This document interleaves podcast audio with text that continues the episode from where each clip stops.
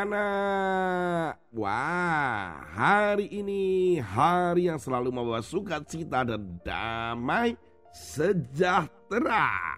Oh, kalian pasti tetap menantikan renungan ini kan? Tony ini percaya diri sekali sih. ya karena memang ada kisah-kisah yang menarik dan tentunya terkait dengan renungan firman Tuhan hari ini.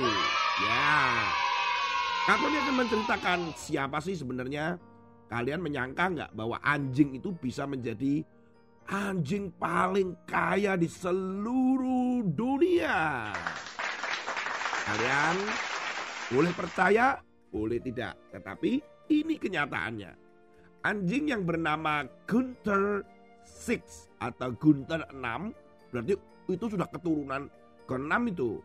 Nah, ini dinobatkan menjadi anjing terkaya di seluruh dunia. Bayangin saja ya, aktivitasnya tiap pagi ada senam, bermain di rumput khusus, tinggal di sebuah rumah yang harganya itu sampai puluhan miliar bahkan ratusan miliar dan sampai punya jet pribadi anak-anak.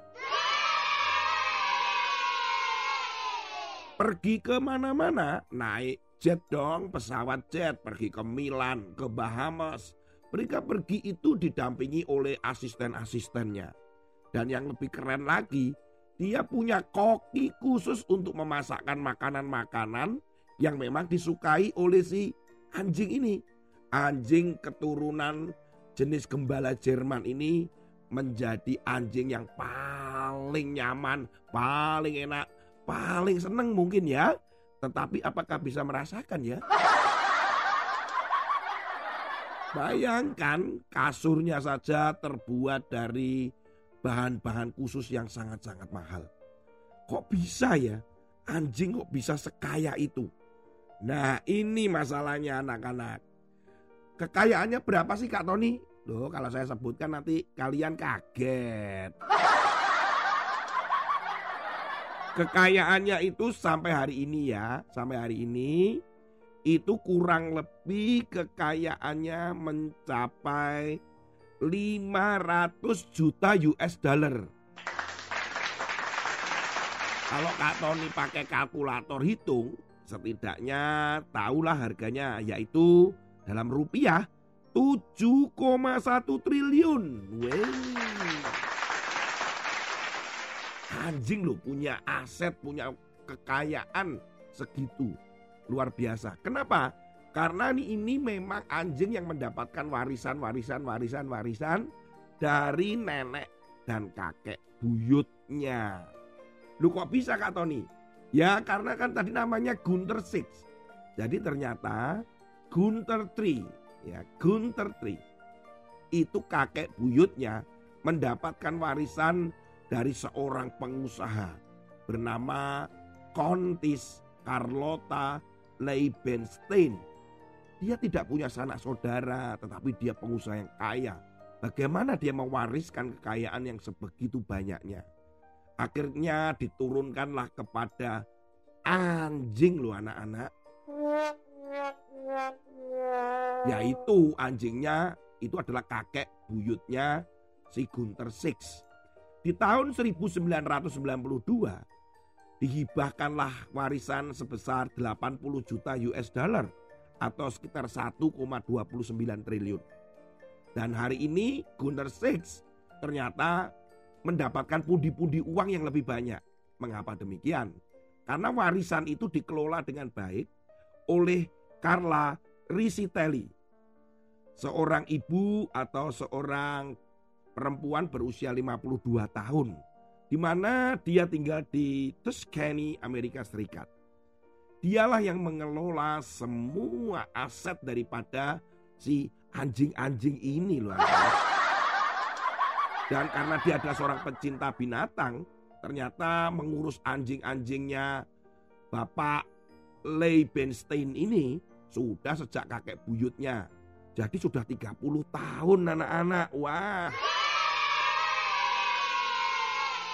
Dan hari-hari ini si Gunter Six menikmati rumah yang mewah di Miami, Florida. Rumah para artis yang pernah ditinggali artis dan rumah itu keren sekali ada kolam renangnya, ada kamar-kamar mewah di situ. Tapi pertanyaannya apa bisa menikmati ya? Anak-anak, hari ini kita belajar firman Tuhan. Kita buka firman Tuhan kita di dalam Amsal pasal 17 ayat yang kedua. Budak yang berakal budi akan berkuasa atas anak yang membuat malu dan akan mendapat bagian warisan bersama-sama dengan saudara-saudara anak itu. Anak-anak, warisan. Ini berbicara warisan. Ternyata seorang budak itu yang berakal budi, padahal kan berakal budi, jadi baik, karakternya baik begitu. Tetapi anaknya kok membuat malu. Kok nggak, aduh gimana sih ayahnya ibunya apa nggak menurunkan akal budi atau karakter begitu. Ternyata begini anak-anak ya. Ini warisan ini bukan harta. Ya. Tetapi ternyata warisan yang dimaksud itu tidak menurun kepada anak-anak itu adalah tentang sesuatu, tentang rohani, tentang karakter. Belum tentu loh. Anak itu mendapatkan warisan karakter dari ayahnya atau ibunya. Memang sudah diajarin, kalian diajarin ini, diajarin itu. Tetapi kembali kepada pilihan kalian. Apakah kalian akan memilih melakukan sesuatu yang baik, mengikuti firman Tuhan atau tidak? Orang tuamu hanya memberikan mendampingi, mengajar, mendisiplin, menyampaikan semua yang berkenaan dengan firman Tuhan. Supaya kalian melakukan firman Tuhan. Tetapi keputusan itu tergantung pada kalian dan Kak Tony. Ini adalah berbicara tentang percaya kepada Yesus, yaitu imanmu.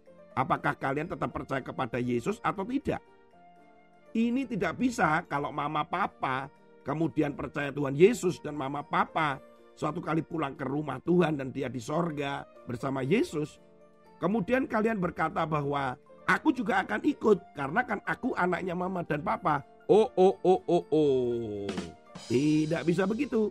Ini urusan pribadi, bukan seperti warisan daripada anjing kakek buyutnya Gunter tiga, kemudian diberikan Gunter empat, kemudian lima, dan akhirnya enam. Bukan begitu. Tapi ini berbicara iman. Iman ini adalah terakhir diputuskan oleh kalian. Orang tua kalian cuma menyediakan. Orang tua kalian cuma mengajar. Orang tua kalian cuma merawat. Tetapi kembali lagi keputusannya kepada kalian. Apakah kalian akan tetap beriman percaya kepada Yesus dan terus melakukan firman Tuhan dan merenungkannya setiap hari atau tidak itu. Tapi Kak Tony percaya kalian semua akan serius berurusan pribadi dengan Tuhan. Percaya dengan Yesus dan melakukan firman itu urusan pribadimu dan pribadinya Kak Tony kepada Yesus secara langsung. Tuhan Yesus memberkati. Haleluya. Amin.